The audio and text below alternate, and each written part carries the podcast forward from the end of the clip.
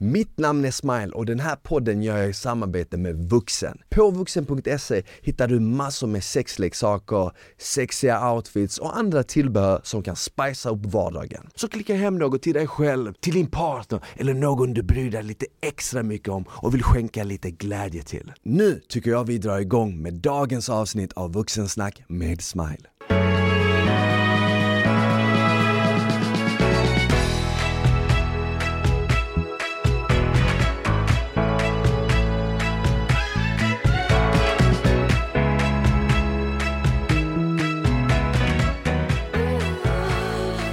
Hej och välkomna tillbaka till ett nytt avsnitt av Vuxensnack med Smile. Hoppas det är bra med er och att ni njuter av det härliga vädret. Eh, med mig i studion idag har jag Agnes Sjöström. Välkommen Agnes! Tack snälla Smile, kul att vara här! Kul att ha dig här och du är kanske mest känd för att driva Lyckopodden, eller?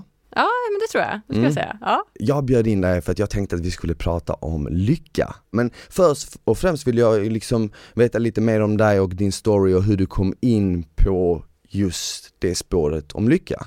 Mm. Så du, du är från Umeå? Mm, jag är från Umeå, exakt men har inte bott där på typ tio år. Ah, Okej, okay, så du bor här i Stockholm nu alltså? Nej, jag bor i Umeå nu igen, okay. sen ett år tillbaka. Men jag har bott i Stockholm innan dess typ två år, och okay. Göteborg innan dess två år, och Malmö innan dess två år, och Lund innan dess mm. två år. Så. så du har bott lite överallt? Mm, verkligen. Okay. Saknar du Umeå, eller hur kommer det sig att du flyttade tillbaka? Alltså, det var väl egentligen mycket slump. Jag hade inte tänkt flytta tillbaka, jag hade nog tänkt vara här i Stockholm. Men eh, så kom ju coronan, så det var egentligen i samband med det, att ah. komma lite närmare familjen och sen så började jag dejta en kille egentligen typ när jag bodde här i Stockholm. Han är från Umeå. Okay. Så att då var det liksom enkelt att, att flytta hem. Och vi är mycket i fjällen och sådär. Aha. Så då är det, är det nära från, från Umeå till, till alla fjäll och åka snowboard. Det är så va? Ja. Var åker man då? Vi åker i Kittelfjäll eller Hemavan och nu senast var det Riksgränsen då. Mm. Så, men det är långt norrut. Ja.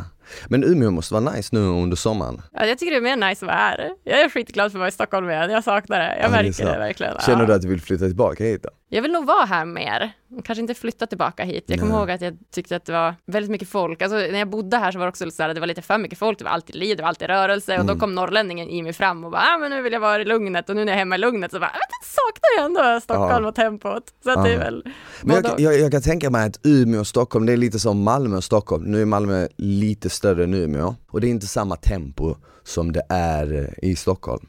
Och det är väl så här, gillar man det tempot, gillar man liksom fart, människor och sånt, då är ju Stockholm perfekt. Men för många kan det ju kanske bli lite för mycket. Mm. Jag bor ju liksom mitt i smeten och jag älskar det att när jag går ut så är det liksom konstant med människor, trafik och jag känner mig så levande. Medan när jag är nere i Malmö och hälsar på familjen och där ser man knappt folk, det är liksom inget rörelse, då blir jag liksom lite mer stressad typ. Jag ja. vet inte hur jag ska förklara men det är precis som att en del finner lugn i, i, i hets och stress medan andra finner liksom stress i lugn. Ja men jag fattar precis vad du menar. Mm. Och jag tror att jag behöver båda. Yeah. Jag vill ha både lugnet, jag älskar ju det, och kunna vara i fjällen och bara helt knäpptyst, åka snowboard, ha det kul. Och jag älskar också att vara här i Stockholm där det händer saker, det är liv och rörelse och du vet, eh, mm. ingen dag är den andra lik och det är alltid massa roliga happenings och, och mycket möjligheter också inom liksom jobb och karriär och sådär. Så, yeah. så jag skulle nog gärna bo kvar i Umeå, men jag skulle vara mer i Stockholm. Jag skulle gärna jobba mer härifrån och, och mm. pendla lite och sådär. Det hade jag inte haft några problem med. Så mm. kanske framtiden. Ja. Mm. Du har ju spelat in en hel del avsnitt för Lyckopodden. Det är 170 avsnitt ute så eller något sånt? Ja, det är det ute och jag spelar in typ hälften av dem då. Hälften av dem. Hur kom du in på det? Eh, jag hade egentligen ett samarbete tillsammans med han som drev podden innan mig. Han, han är fortfarande min sidekick, Fredrik Ankarsköld, eh, via Instagram. Ett mm. Instagram-samarbete. Och eh, sen blev jag inbjuden till lite olika poddar och liksom, ja, men, folk ville att jag skulle prata om, om lycka i deras poddar. Så då gästade jag lite poddar och sen så så frågade Fredrik egentligen, ja men du, vi behöver en ny programledare till Lyckopodden, ska inte du, ska inte du bli programledare? Och tänkte jag, jo men lätt, det känns mm. ju skitkul, jag älskar att prova nya saker, så why not? Varför frågar han just dig? Jag läser en, läste då en masterutbildning i psykologi. Okay. Så att jag har ju lite psykologi i, i bakgrunden. Mm. Och jag har ju en, en bakgrund som väldigt eh, prestationsfokuserad. Okay. Alltså jag har jobbat och drivit egen, eget företag inom hästnäringen. Så att det är ju en bransch där du aldrig har ledigt. Det är liksom inte jul, inte nyår, inte helger, inte kvällar, utan du jobbar ju alltid.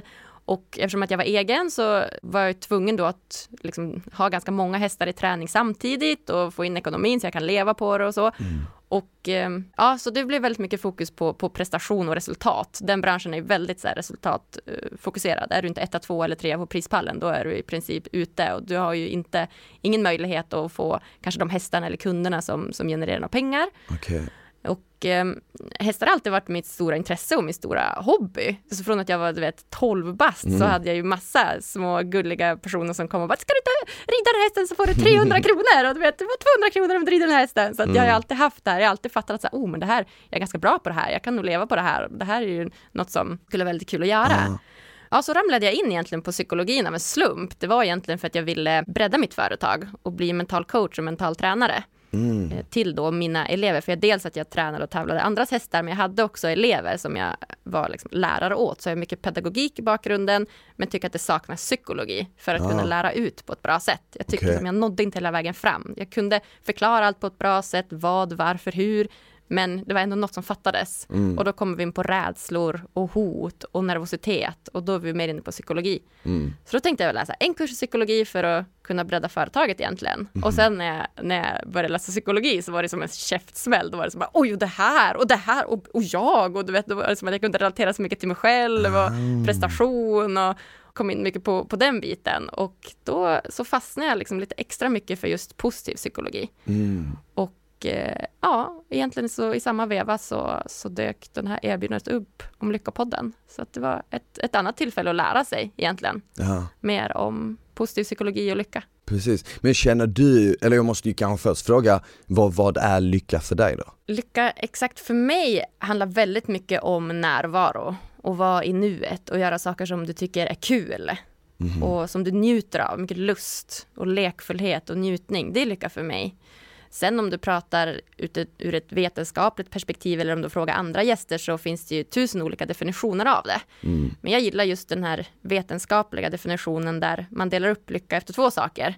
En är då just det här kortsiktiga lyckan, den här lyckokänslan som går lite upp och ner, som man kan känna mm. noll gånger under en dag eller tio gånger under en dag beroende yeah. på vad det gör.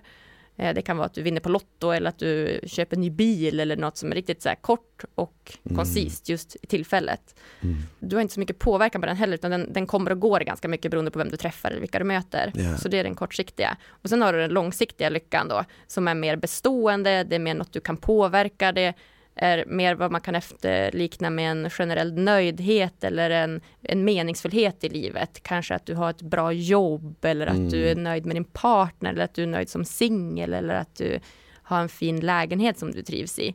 Så det är lite så här beroende på vad du vill definiera det som. Men jag har ganska naturligt för den här generella nöjdheten i livet, att sträva efter liksom en karriär eller liksom är nöjd med min pojkvän och så. Så den kommer ganska naturligt medan jag kanske mer får vara lite mer noggrann med att se till att jag skapar stunder som är liksom mer eh, lyckostunder i nuet då, som hobbys eller som ja, göra roliga saker eller skratta med människor eller så, mm. ta mig mer tid för det. Så mm.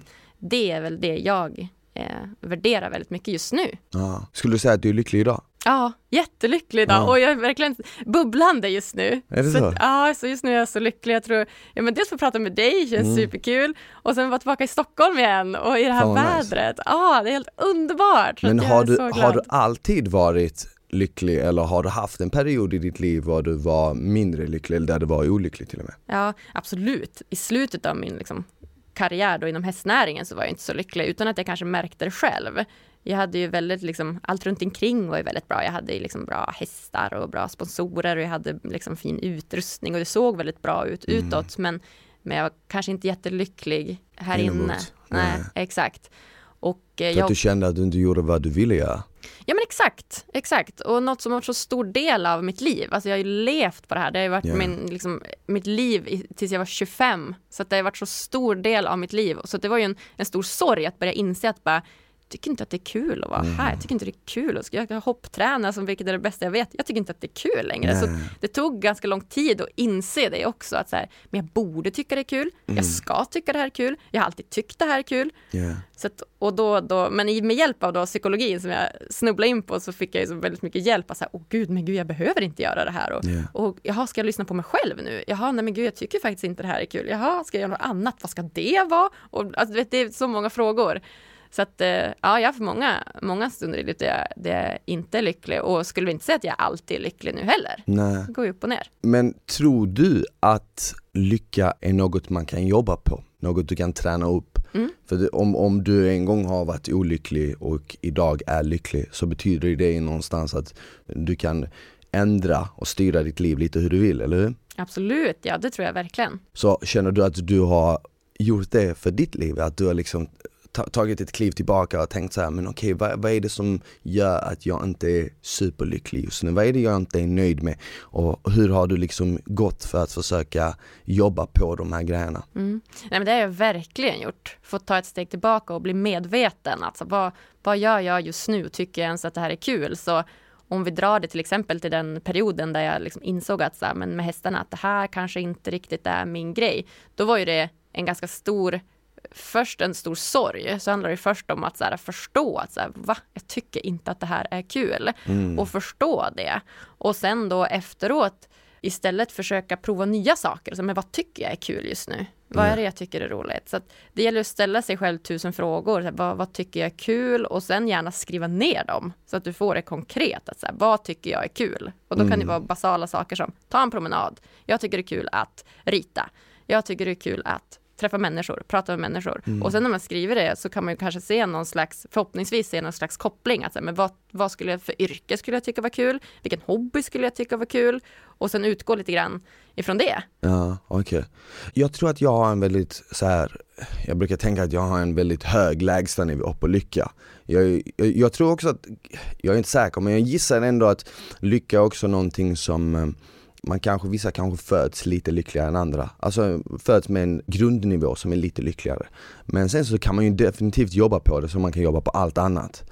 Som man kan jobba på muskler i gymmet eller man kan jobba på kondition om man går ut och springer eller man kan Ja men du förstår vad jag menar. Ja. Men jag minns ju när jag var yngre, typ efter gymnasiet, när man stod inför typ så här frågan, ja men vad ska jag göra nu liksom? Och när jag tog studenten var ju typ 2009 så alltså, sociala medier och sånt hade ju inte blowat, så det fanns inte ens på sfären. Det var inte ens, ja jag ska jobba med Instagram, det fanns inte ens Instagram. Så det, det var ju liksom så här, man började tänka i så här mer traditionella banor. Jag ville bli polis eller brandman och jag kommer ihåg jag gjorde praktik hos polisen, praktik hos brandkåren. Men eh, jag filade inte det riktigt. Jag bara, nej jag vet inte, jag tror inte det här är något för mig. Och så eh, ger man sig ut på de här eh, jobben, man testar en massa olika, jag har jobbat med hundratals olika grejer. Jag har, varit, eh, jag utbildade mig till väktare, jag jobbade som väktare. Jag eh, började jobba på en flyttfirma, jobbade där. Jag jobbade på tio olika försäljningsbolag. Jag reste ut från Sverige, bodde i ett annat land. Bara för att hela tiden hitta, du vet, men vad är det jag gillar? Sen, jag kommer ihåg att farsan, han eh, var butikschef på en, i en livsmedelsbutik. Så jag började jobba där. Det var inget för mig. Jag bara stod där, jag bara fan vad alltså, jag känner liksom att jag är lycklig på jättemånga plan i livet just nu och jag borde vara hur lycklig som helst men det här är inte kul och det här är ändå en så stor del av mitt liv. Det är ändå liksom åtta timmar, fem gånger i veckan du vet som jag är här. Jag bara hmm, jag bara, det finns så mycket mer du vet. Och eh, så kastar man sig ut och jag märkte typ att det är svårt att hitta något som gör dig lycklig bara sådär på studs. Utan det är nästan lite som att du måste skapa det själv. Ingen kommer servera det till dig. Det kan hända, men jag tror att det är väldigt ovanligt. Det är lite, lite som du sa, vinna på lottot. Du får det här erbjudandet. Utan det är nästan som att du måste skapa det själv. Och för att skapa det måste du gå igenom en olycklig period, eller en period där du känner dig vilsen.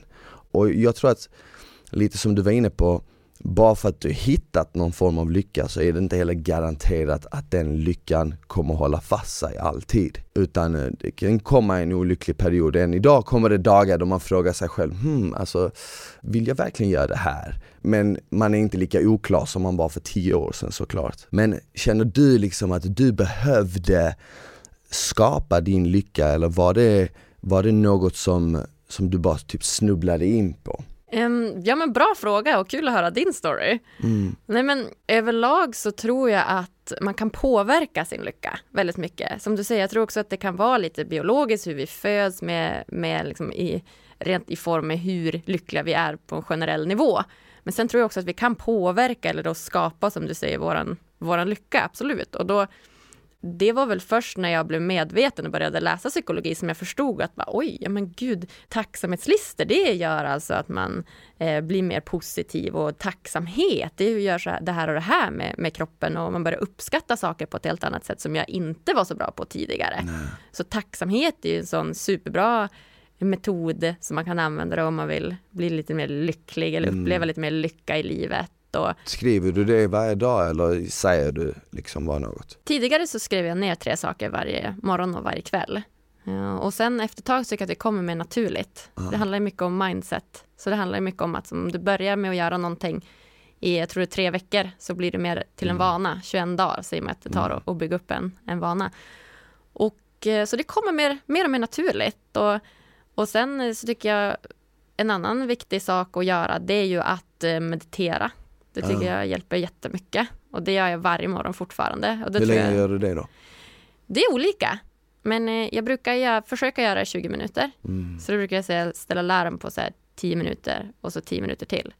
Eh, så det börjar jag göra. Och det är ju... Det är nice. Det är skitnice, gör du det? Är det? Som en, jag har gjort det. Mm. Jag, alltså, just meditation, det är en sån grej jag önskar att jag kunde vara bättre på. För att jag vet att de gångerna jag har gjort det så har jag Ja men du vet, det är väldigt enkelt genom dagen att greppa sig, alltså från ingenstans bara ta upp telefonen och ta upp den utan någon anledning, man bara gör det av en reflex, man tar upp telefonen bara för att. Men när jag mediterar så är det precis som att jag tänker till innan jag gör allt. Ja, men ska jag ta upp, varför ska jag ta upp telefonen? Jag behöver inte göra det nu och så bara fortsätta. Det känns som att man blir liksom lite lugnare och klarare i huvudet. Ja, så jag gillar ju det men jag måste vara helt ärlig och typ säga att jag har inte varit så bra på det. Men sen tycker jag också att det finns olika typer av meditation. Jag går promenader varje morgon, jag tränar, jag kör styrketräning fem gånger i veckan. För mig är det en typ av meditation slash terapi där jag kommer in i min egna värld.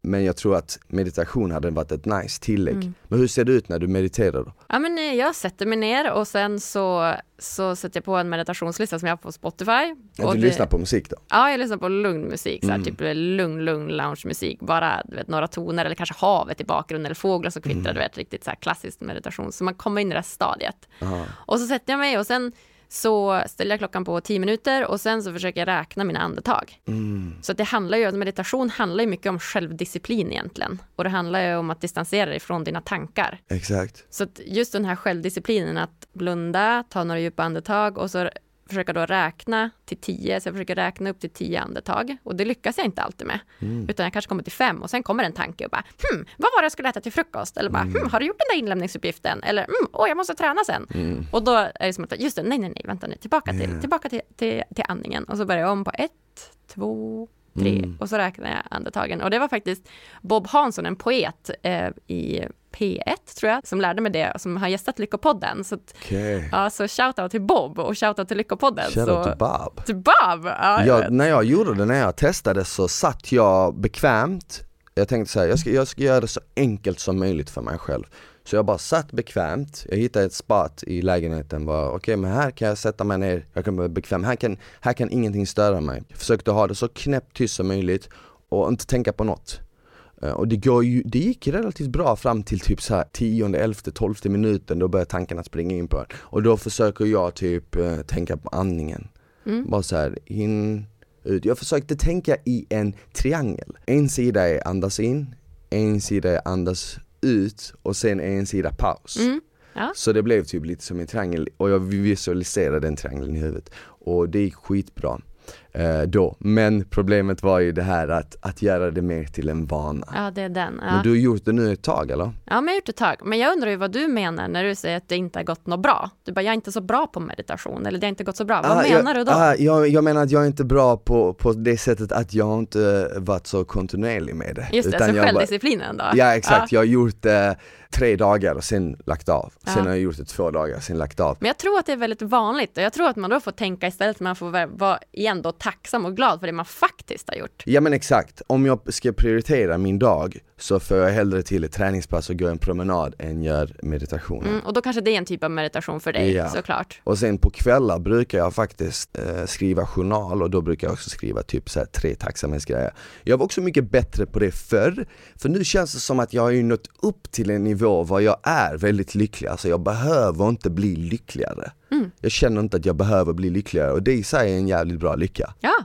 njut då skulle jag säga, passa så, på njut. Ja, och jag tror ju att man kan skapa en omgivning eller man kan ju skapa ett liv för sig själv var man är lycklig. Och många kan säga så ja ah, men det är lätt för dig att säga för att du har flexibla tider eller du jobbar med vad du vill eller du dittan dattan. Men sanningen är det att jag har ju haft ett helt vanligt jobb. Jag har ju en gång i tiden, jag ska inte säga att jag varit olycklig, men jag var, det var en gång i tiden där jag inte var superlycklig lycklig i sig. Jag, jag, kan tycka att ibland är det också, som vi var inne på först i början, vad är det egentligen? Jag, jag ser det mer som fridfull. Mm. Jag har liksom frid. Jag känner inte att jag eh, behöver en massa grejer. Men sen finns det ju ändå alltid saker man vill ha. Men eh, vad, jag, vad jag ville säga är att jag är ett exempel på att man kan ju vara olycklig eller man kan ju ha haft det tufft och dittan och dattan och man kan vända på det. Så jag tror ju att alla människor kan göra det om de verkligen sätter sig ner och verkligen vill. Verkligen. Och då är det ju mycket sådana här saker som att bara, en, en sak som gjorde en stor skillnad för mig det var ju såklart att komma igång med träning och börja käka sunt det gjorde otroligt, otroligt mycket. Och det var typ grunden i det hela. För jag vet inte vad du tycker men jag tycker att det viktigaste för att hitta lycka eller finna lycka är hälsa. Mm. För en normalt frisk människa vill ju tusentals saker. Men någon som är sjuk, någon som är nere eller någon som är deprimerad vill ju bara en sak och det är att bara bli frisk. Mm. Så det, grund, alltså cementet, det första lagret bör vara en god hälsa. Mm. Har det varit någonting som du har fokuserat på, alltså så här, träna och äta sunt och sånt? Ja, 100 procent. Jag tycker det är jättebra att du tar upp det för att det är ju de basala behoven behöver vara tillgodosedda för att vi ens ska kunna uppnå någon slags lycka. Så att att äta bra, att träna, att sova, att återhämta sig, att minska stress. Alltså alla de basala behoven behöver verkligen vara tillgodosedda för att vi liksom ens ska kunna börja sträva mot någon slags självförverkligande, börja tänka på ens någon så här, eh, tacksamhet eller något jobb. Så, så det är verkligen så här, grunden nummer ett och bara det kan vara svårt ibland. Att så här, äta rätt eller sova mm. nog många timmar om man har svårt att sova till exempel. Så att, så, så verkligen. Och sen var ju du inne på en annan viktig sak och du pratade lite om att jämföra sig. Mm. Du pratade om att du jämför dig, att, att andra jämför sig med dig till exempel och, mm. om att, och dina arbetstider är så speciella och så. Och det tror jag också är en farlig bov i det här. Mm. Att jämföra sig och det, det kommer ju väldigt naturligt för människan att jämföra sig med andra. Det har vi gjort, liksom, det kommer ju sedan urminnes tider tillbaka. Men att igen då försöka bryta det mönstret, att kanske inte jämföra det så mycket med andra utan jämföra med det med själv. För det är lätt att se att jag, man kan tänka någon så här, oh, som har liksom, ekonomiskt oberoende, har hus i, du vet, i en fin villa i Stockholm och har hus i, i Spanien och kanske har en lägenhet där och har en fjällstuga och har, någon som, om man säger har allt inom situationstecken, mm. så behöver ju inte det betyda att den personen är lyckligare än Nej, någon annan. verkligen inte. Utan att man verkligen försöker, det är också en grund basal grej att försöka bryta det jämförandet. Att så här, mm. Oavsett om någon annan har si och så mycket pengar eller det där och det där jobbet. Så jämför med det själv. Ja, men det kan vara bra att se det som inspiration. Att säga, åh, Smile, han har eh, oberoende tider där han jobbar. Men det skulle jag också vilja ha. Hur kan jag göra det med mina mm. förutsättningar? Mm. All right, vänta, jag är mer inne på att jag vill jobba som programmerare. Jag gillar ju datorer. Ja, men då kanske man kan göra det utifrån de förutsättningarna istället. Mm. Så att man hela tiden försöker blicka inåt och, och inte jämföra sig med alla andra så mycket, utan jämföra med dig själv. Ja men verkligen. Och jag tror ju precis som det du var inne på lite, det här med pengar. Jag tror ju att pengar kommer ju aldrig leda till lycka. Jag tror ju definitivt att en viss mängd pengar kan ge dig mindre stress och i sin tur bara du kommer över en viss tröskel var du inte behöver känna dig orolig över att det inte kommer finnas till då har du nog redan nått toppen. Men allt utöver det mm. kommer inte göra dig mycket lyckligare. Vi har ju träffat, jag har träffat jättemycket människor som har varit otroligt rika och det är inte som att de har sprungit runt hysteriskt lyckliga. Tvärtom, de har nästan känts lite mer stressade, oroade och eh, det är precis som att de har så mycket att det finns så många som vill ha från dem hela tiden. Och det är, det är svårt att hitta den här ron som jag vill komma tillbaka till. Det är svårt att hitta ro när du har så mycket. Ja men 100 procent och det är intressant att du säger det för det visar ju faktiskt all forskning på också att pengar gör dig lycklig upp till en viss nivå. Och mm. då är det då att den nivån, jag tror att de i svenska mått mätta var en så här 30 000 i månaden eller något som mm. du behövde tjäna. Och då kan du känna mer att du har den här ron eller friden. Du behöver inte känna dig orolig över att du inte har mat på bordet eller att yeah. du inte har råd att betala hyran. Utan du har den här, ett kapital där du kan göra roliga saker, du har ett jobb som du går till som är meningsfullt förhoppningsvis mm. och, och så. Så att, eh, jag ja, håller men, helt med. För jag, jag tänker ju mer så, så här, när, du, när du har den grunden eller när du kommer upp till den nivån så har du ju egentligen inte så jätte det är inte så jättestor skillnad mellan ditt liv och säg typ någon som är mega förmögen. Du kan ha en bil, visst de kan ha en dyrare bil men det är fortfarande en bil. Ja. Den personen kan gå in och öppna en dator och surfa på internet, du kan också göra det. Ja. det alltså, du, ni kan, man kan uppleva i princip samma saker, man kan bo, den andra personen kommer bo större men du kommer inte bo litet. Förstår du vad jag menar? Mm. Maten man äter kommer vara ungefär densamma, så när man kommer upp till den grunden, utöver det så tror jag inte att man blir lyckligare på något Nej. sätt.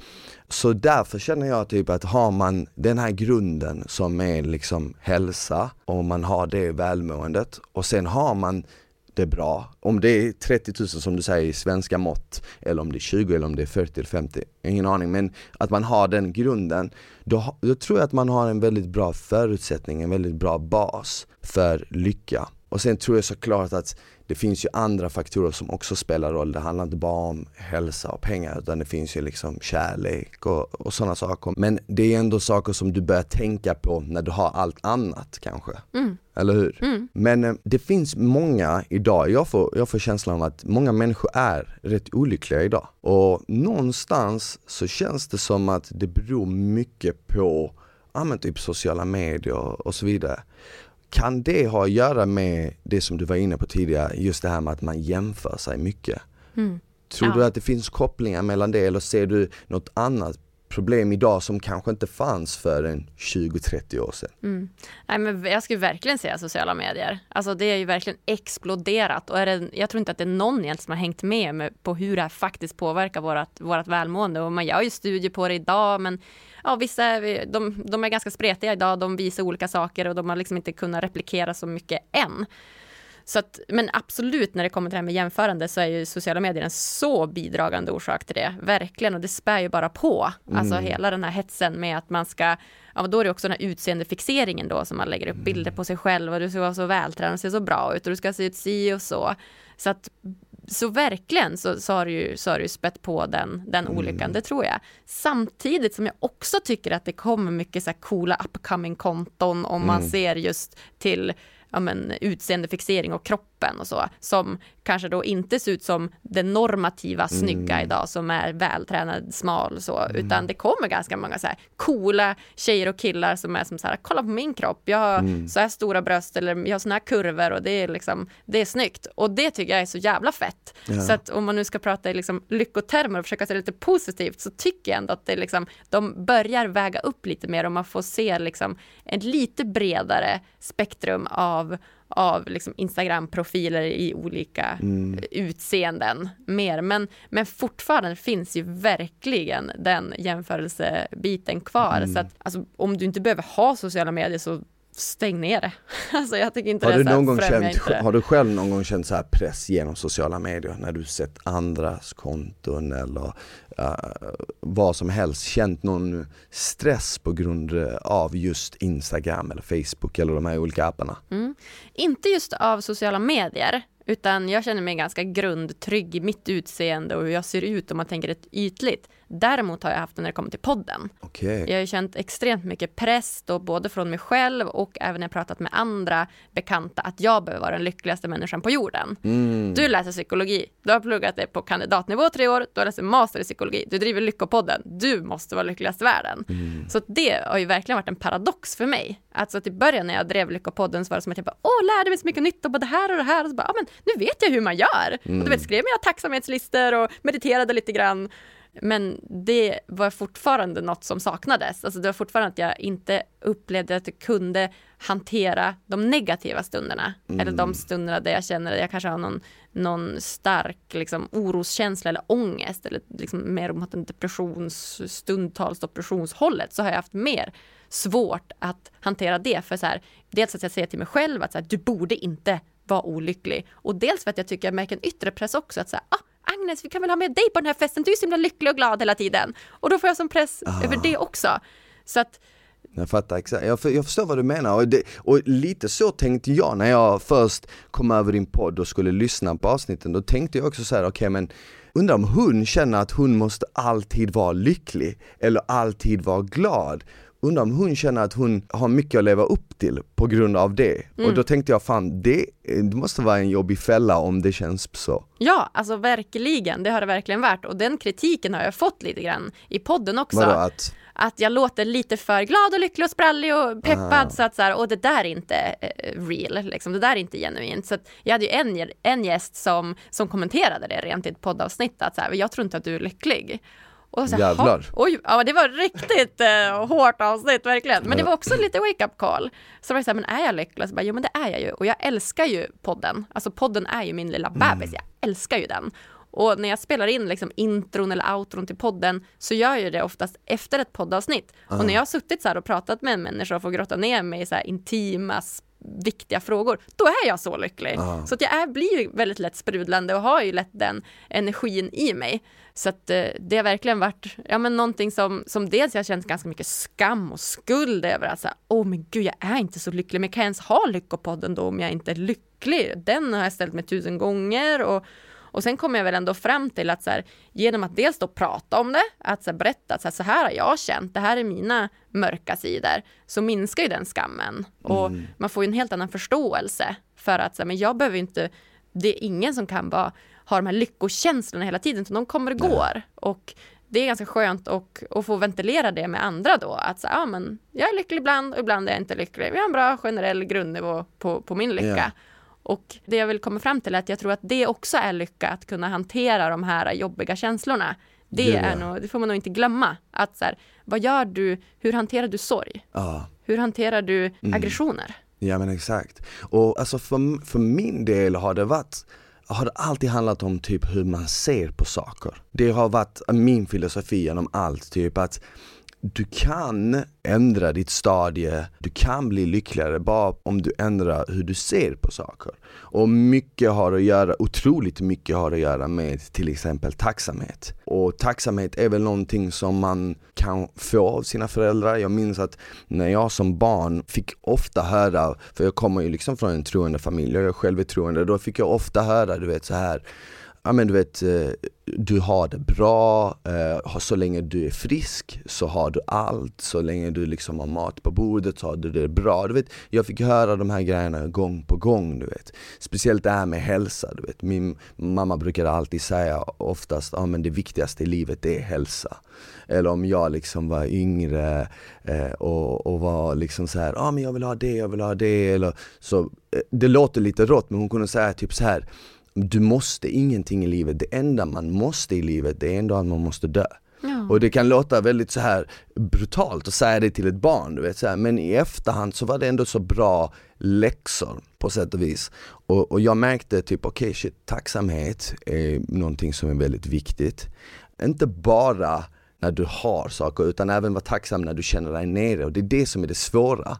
Att vara liksom tacksam och vara glad när man inte kanske känner att man är det. Eh, för då vill man gärna börja klaga och då vill man gärna bara, åh oh, men fan det här och det här och det här. Och det är då det är som viktigast att luta sig tillbaka och bara, men vänta nu, vad fan. Du vaknade i morse om du vaknade i morse så är du redan en vinnare mer eller mindre, för det är jättemånga människor som inte vaknade. Eh, och sen du har tak över huvudet, du har mat i kylen, du har liksom hälsan i behåll. Va, vad är det som är problemet? Och redan då så blir det lite lugnare. Du vet. Det är precis som att du blir lite, eh, stressen försvinner bara, okej, okay Okej, okay, så vad är egentligen problemet? Och då försvinner de här små, det är nästan som att man, hur ska man säga på svenska, man dissektar det, du vet. Man kapar ner allting och så kommer man till kärnan av problemet. Och oftast när man gör det så förstår man att shit, det finns egentligen inget problem. Det är bara jag själv, eller kanske inte ens jag, det är utomstående faktorer som får mig att känna att det är något problem. Det är egentligen inget problem. Mm.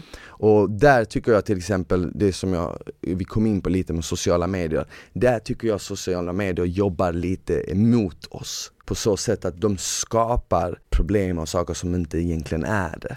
100 procent. Och jag fick ju en gång en fråga av en journalist, jag hade aldrig tänkt det själv. Han vände på steken och bara sa, men känner du att du sätter press på unga killar att se ut på ett visst sätt när du lägger ut bilder på din kropp och du är vältränad? Och jag hade aldrig fått den frågan, jag hade alltid fått frågan tvärtom, men hur känns det att du kan inspirera många till träning? Jag bara, ah, det känns skitbra, bla bla bla. Och sen så bara kommer den här personen och bara, tror inte du att du sätter press på unga män? Och då blev jag lite så här, jag bara, nej, var min spontana grej. Men sen tänkte jag på det här och jag bara, hmm, det kanske jag gör. Det kanske jag gör, men är det mitt fel eller ska den personen som kollar på mig kanske se på mig på, med andra ögon? Men vems ansvar är det? Liksom? Vems ansvar är det? Om jag går in på sociala medier och jag ser någon som är superlycklig hur ska jag se på det? Ska jag tolka det som att den personen är sjukt lycklig, jag är inte där, jag är inte i Bahamas på semester eller jag är inte liksom uppe eh, och tar en selfie från en helikopter, jag vet inte vad. Jag sitter här liksom i lagret och jobbar. Är jag olycklig då? Eller ska man se på den personen och tänka, ah, men kolla vad den gör, det betyder att jag också kan göra det.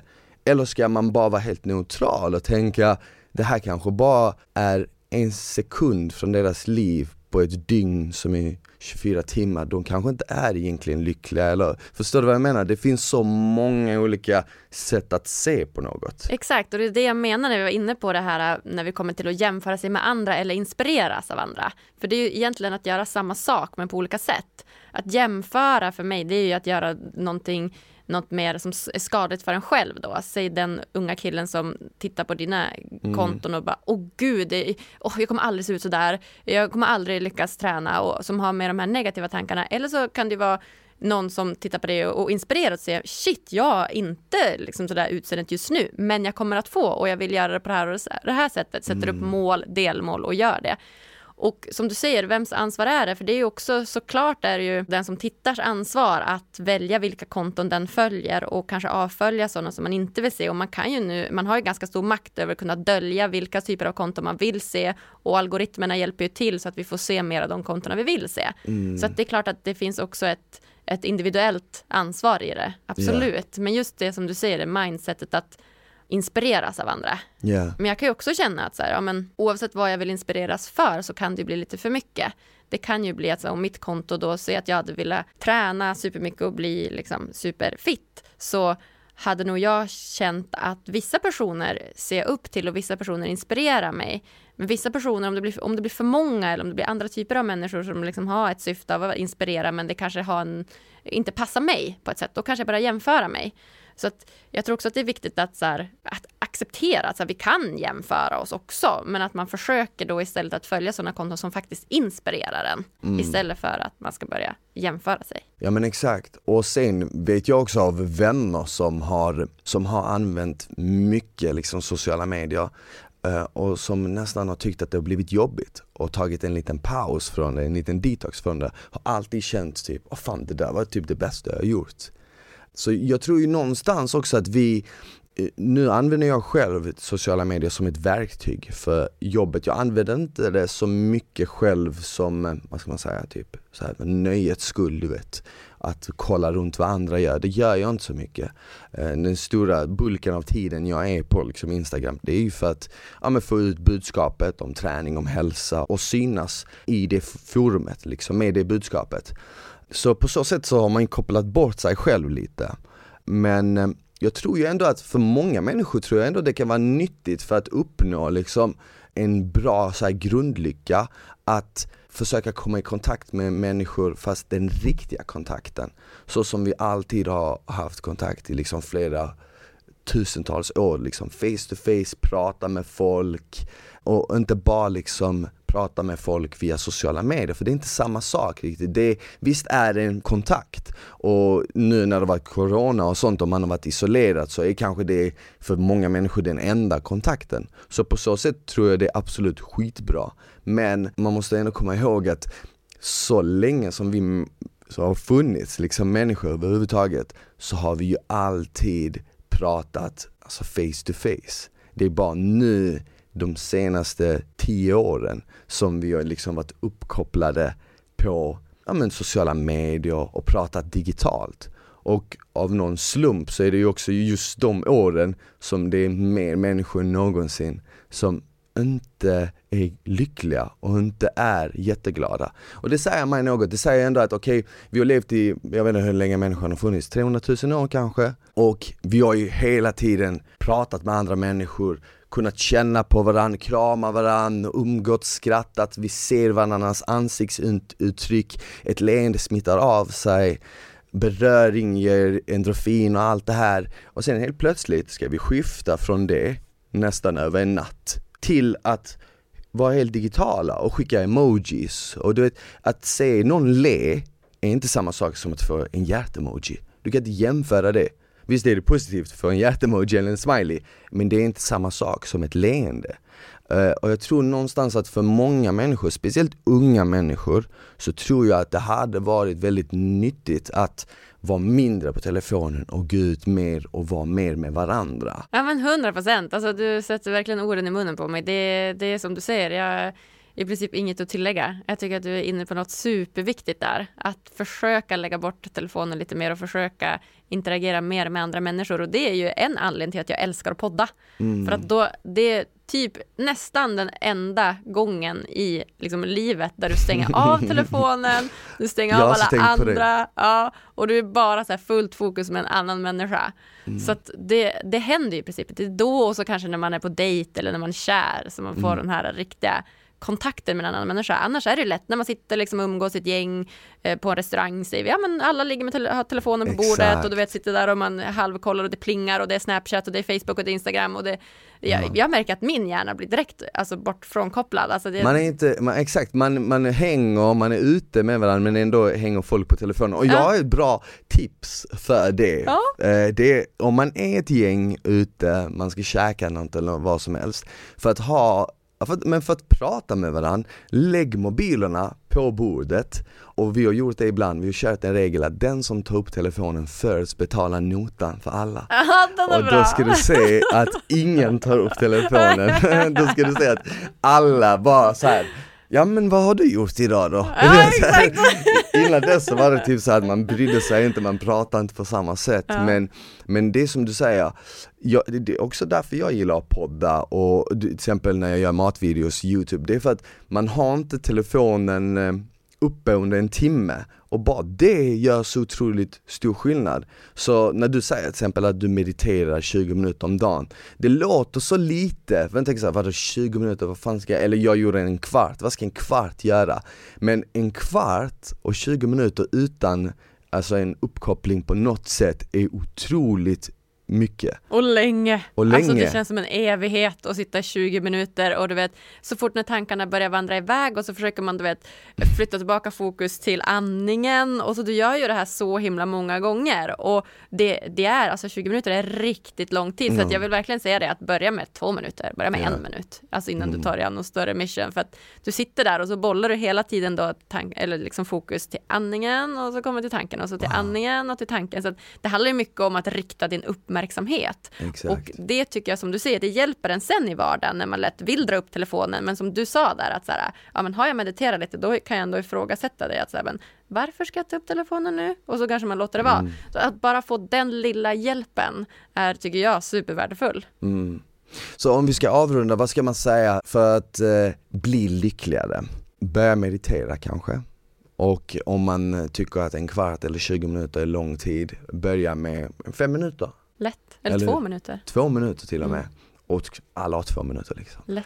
Eh, börja röra på sig. Man behöver ju inte gå till gymmet liksom sex gånger i veckan som jag gör, men, men gå ut och gå, springa två, tre gånger i veckan gör en väldigt stor skillnad.